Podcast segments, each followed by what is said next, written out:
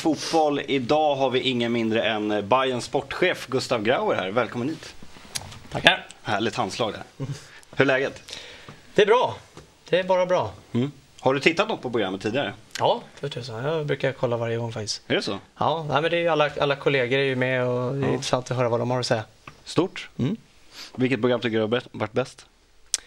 Eh, nej, men jag tittade ju med stort intresse senast när Magnus Persson var här. Mm. Och ni, ni pratade om eh, det som hände efter Ljungskile-matchen och ja, den situation som uppstod och vad han tyckte om det och så. Jonas Eriksson var rätt kul att snacka med också. Domaren. Mm, ja, den var ju jättebra faktiskt. Ja, Riktigt den var- kul. Annars Ja. programmet eh, dagen efter Bayern trillade ur Allsvenskan är ju också en klassiker. Ja, det är en klassiker. ja. det, Det är ju det. När du inleder med “jag har ingenting att säga” och så pratar du nonstop i 25 minuter. Det var min terapisession. Ja, det var väl Ja, Du gjorde det. det, var, det gjorde mig gott i alla fall Ja, det faktiskt. gjorde det. det kanske var nyttigt för dig. Definitivt, definitivt. Jag kände det efteråt. Och så Kviborg här, vacker som få. Ja, tack. Vad snäll du är. Eh, Detsamma. Som, eh, som någon annan eh, före detta AIK-person sa häromdagen. Ja, han har- kallade mig en gång för Karlbergs solstråle, så eh, han är ju skön. Han snackar ju sådär, Rickard Norling. Ja. Eh, han snackar ju sådär, så jag fattar inte varför folk eh, tycker det är sån skandal att Nej, han verkligen. ger en, eh, en person en komplimang. Det är väl jävligt snällt liksom. Ja, mycket, mycket snällt, mycket snällt. Men, men var det någon som tyckte att det var en skandal? Då? Nej, det var väl, jag tycker det är larvigt att det ens blir en rubrik liksom. Det, Ja, ja. han snackar ju så, de som har träffat honom vet ju det liksom. Ska vi ta lite snabbt eh, Malmö? De gick inte Champions League. Är, är vi som 08-människor här skadeglada idag eller? Jag säger som sist, jag hellre Malmö än Dinamo Zagreb. De, Jag bryr mig ännu mindre om dem än vad jag gör om Malmö. Jag blir lite landspatriot så att jag hade hellre sett Malmö nu. men Whatever. Nej, Jag tycker det gäller att se, förutom när Djurgården är inblandade, eh, och se liksom den stora bilden för svensk fotboll. Och eh, jag tyckte det hade varit jävligt kul om, om Malmö hade gått dit. Eh, All right. Kort och gott. Ja, jag vet inte riktigt om jag tycker det. Men okej, skitsamma. David, välkommen tillbaka. Tackar. Du kanske mår sämst av alla här just nu, om man tänker på eh, resultat och... Ja, Senaste det var veckorna, ett, tag sedan, ett tag sedan det blev en seger, men eh, det är ju en ny match imorgon så man får rikta in sig på den istället, så det Ja. känns inte så farligt. Så det är halvviktig När är match. Jonsson tillbaka? Det är ju en stor fråga. Ja, det vet man aldrig. Och han försvinner lika fort som han är tillbaka. Eh, ska vi ta lite eh, tjuren vid hornen direkt då? Och eh, d- hur, först, hur, hur har veckan varit här? Eh, de senaste dagarna? Ja, nej men den har ju varit hektisk av förklarliga skäl. Eh, det, har varit, det har varit mycket. Mm. Men eh, nödvändigt på många sätt av det vi har gjort, Mm. känner vi. Om vi ska ställa frågan då. Roger Franzén fick ju alltså gå i torsdags var det va? Mm, det var det dagen efter vi Om vi spelade börjar med eh, varför? Eh, precis, och jag kommer inte vilja gå in på liksom, varför i detalj, men vi, vi gjorde liksom, vi, vi, vi gjorde en ordentlig liksom, rannsakan av allt hur vi jobbar och, och vi kände att vi hade tillräckligt mycket information för att känna att det här var någonting vi behövde göra. Eh, försöka få till en förändring. Eh, så att eh, värdelöst svar för, för de som vill veta liksom, men, men jag måste hålla det där. Hur Liksom. länge är Roger Franzén kvar på eh, lönelistan i Bayern? Ja, så det återstår ju att se, men eh, så, han har inte fått sparken, utan han har blivit ja, omplacerad från, han kommer inte vara huvudtränare för ett A-lag och det är ju en diskussion som vi får ta nu med Roger om han vill fortsätta, om vi kan hitta något annat i organisationen eller, eller om han väljer att kliva helt åt sidan. Ja, han gjorde ju väldigt bra från sig i HTFF. Mm. Sen vet jag inte hur det känns då. Att ta ett steg neråt i en karriär är väl... Det är väl inte många som kanske vill göra det, men...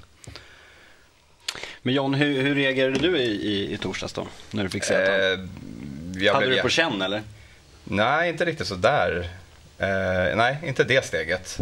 Eh, så det blev jag jättepaff för och, och besviken. Men det är femte tränaren som vi ta bort från huvudtränaren egentligen på två år kan man säga. Som försvinner från Hammarby. Det är ju en fantastisk karusell. Men eh, när man liksom läser igenom allting och får det, det sätter sig lite så är det ju ändå det är någonstans logiskt. Det är ju så. Eh, styrelsen behöver, det, det var katastrof. Styrelsen går till och med ut på hemsidan och ber om ursäkt för att det här är- det, det följer inga planer överhuvudtaget. Vi är indragna i en total bottenstrid istället för att vara med och slåss om en plats i Allsvenskan. Ingen kan förklara det men då måste man göra någonting.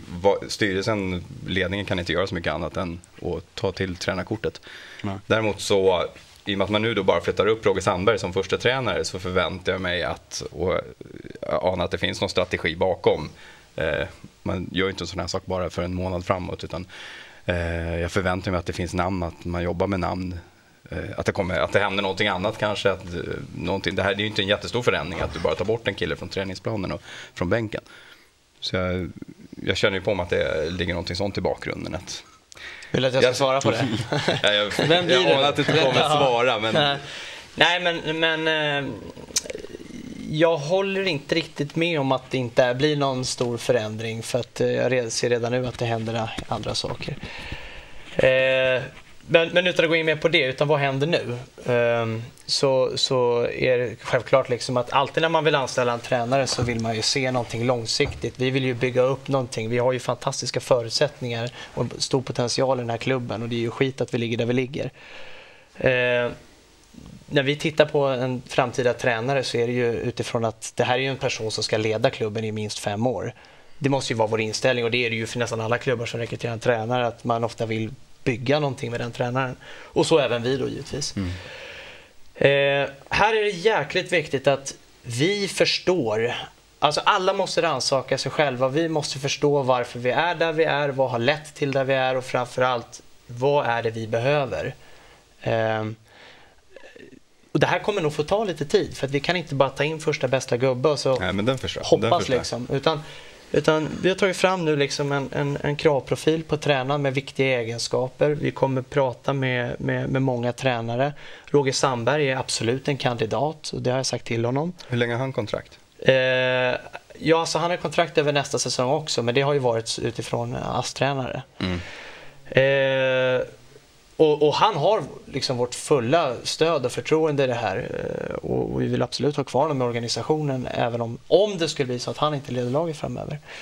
Men, men det som han då har fördel för alla de här tränarna nu som vi, vi kommer att prata med och redan påbörjat vissa samtal så kan ju de, de kan ju prata om vad de vill göra och så här vill jag göra och så där. men Roger Sandberg har ju chansen att visa vad han ska göra. Det är en fördel han har då. Eh, men, men jag har varit öppen mot honom också så han inte tror liksom att vi går bakom ryggen på honom att vi kommer att prata med andra, vi kommer att göra ett ordentligt jobb här nu så att vi liksom minimerar misstag. Eh, För vi behöver, vi behöver få till någonting som är riktigt klockrent. För det är som du säger, det är ju fan pinsamt. Vi har haft fem tränare på två år. Och det, det är ju shame on us alltså, att, att det har blivit så.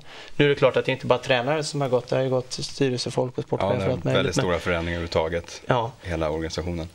Precis. Men, men, men det är det som händer nu i alla fall. Har du satt någon eh, deadline när du vill ha liksom, ett, ett nytt eh, tränarnamn? Nej, det är bara att det ska bli rätt. Det är det viktigaste. Men till nästa säsong så ska det vara en, en ny huvudtränare? Eh, ja, eller befintlig huvudtränare. Ja. En huvudtränare som är permanent, absolut. Okej. Ja, till nästa säsong ska vi ju ha det. Mm. Absolut. Kviborg och eh, David, är det rätt att och, och, eh, kicka Franzén, även om han inte nu har Ja, fått det är sparken? ju väldigt svårt att svara på. Eh, Och var inte snäll nu. Nej, men jag kan väl känna att en förändring kanske var nödvändig. Eh, Men sen det absolut viktigaste är ju nu som Gustav säger att det får, måste ta tid det här. Vem blir den nya personen och vilka grundpunkter arbetar ni efter nu? Jag kan tro att en människa som känner till Hammarbys ideal kanske skulle passa väldigt bra i den här situationen. Alltså någon gammal Hammarbyare som ja, Gerhardsson eller Kratz eller Åkerby, folk som har spelat i Bayern känner till kulturen. Micke Andersson. Ja, han har nog gjort sitt där kanske. Men, ehm, så hade jag resonerat i, i, i Gustavs kläder i alla fall. Sen får vi se vilket namn det blir. Men jag, jag, om jag får tippa så tror jag att det blir en person som har funnits med i Hammarby tidigare. I, I ett sånt här kritiskt läge handlar det väl mycket också om att visa utåt att man verkligen gör någonting. Eh, I och med att det var ett så stort missnöje också från supportrar och sånt där. Att, att bara det ger ju en förändring i sig också. Att man eh, ja, kickar en Sen ska man väl aldrig heller glömma bort eh, att när man är en sån stor förening som, som Bayern eller Djurgården eller AIK är. Det, du får alltid en grupp som blir nöjd efter beslutet, som vi pratade om innan här, och en grupp som blir missnöjd. Eh, så oavsett vad Gustav gör i den situationen så, så får han en grupp som tycker fan vad bra jobbat och en grupp som bara vad fan håller du på med? Och de brukar oftast höras högst också, Ja, de precis. missnöjda. Exakt. Eh, så, um, och sen så vet vi ju inte heller vad, vad är det för bakomliggande orsaker mer än det sportsliga liksom, eh, som har legat till grund för det här beslutet. Eh, som ni tittar också märker så kommer det bli mycket Bayern i den här delen, men vi ska snacka mycket AIK och, och Djurgården senare. Men vi kan väl snudda lite på, på Djurgården. De sitter ju i en tabellsits som påminner, som ändå är, är värre än det ja. Hammarby är nu, bara till en serie högre upp. Eh, men där känns det ju knappast som att MP är, ifrågasatt. Han har ju snarare kommit in som en slags räddare ja. den här säsongen. Skillnaden är väl att i, de flesta Hammarbyare, liksom, ligger Hammarby i Superettan så förväntar sig alla supportrar att man ska kriga om uppflyttning det var väl ingen som förväntade sig att Djurgården kanske skulle kriga i toppen om, om guldet. Det, där har man en viss skillnad. Men när det gäller MP då så handlar det väl mycket om att han har ju ärvt ett task, riktigt taskigt läge och det vet man ju om. Mm. Eh, och därför har man ja, liksom, naturligtvis mycket större tålamod. Samtidigt är det ju ganska höga eh, förväntningar på, på Magnus Persson. Han ses ju som en, som en frälsare. Liksom, ja, absolut. På, på längre sikt tror jag. Jag tror att i år så förväntar mm. man sig nog bara att han ska ja, klara kontraktet. Mm.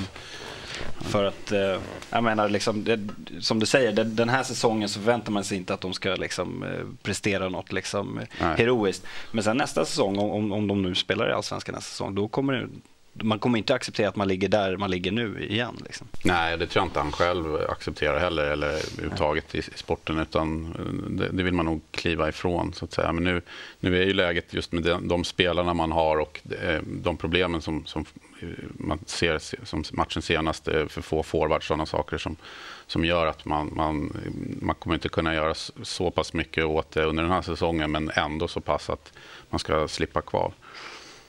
Mm. Det tror jag är det man förväntar sig nu på mm. under den här säsongen. Hur är det att eh, liksom arbeta en sån här, vi, vi pratar om det, det, det, det är liksom sportsliga resultatet som styr, man sätter upp en plan, du pratar om att när man anställer en tränare så vill man ha kanske en femårsplan för dem, men, men man tvingas ändå när du sätts i sån här sits att liksom ta beslut, eller vem det nu är som tar besluten. Hur är det att jobba under sådana?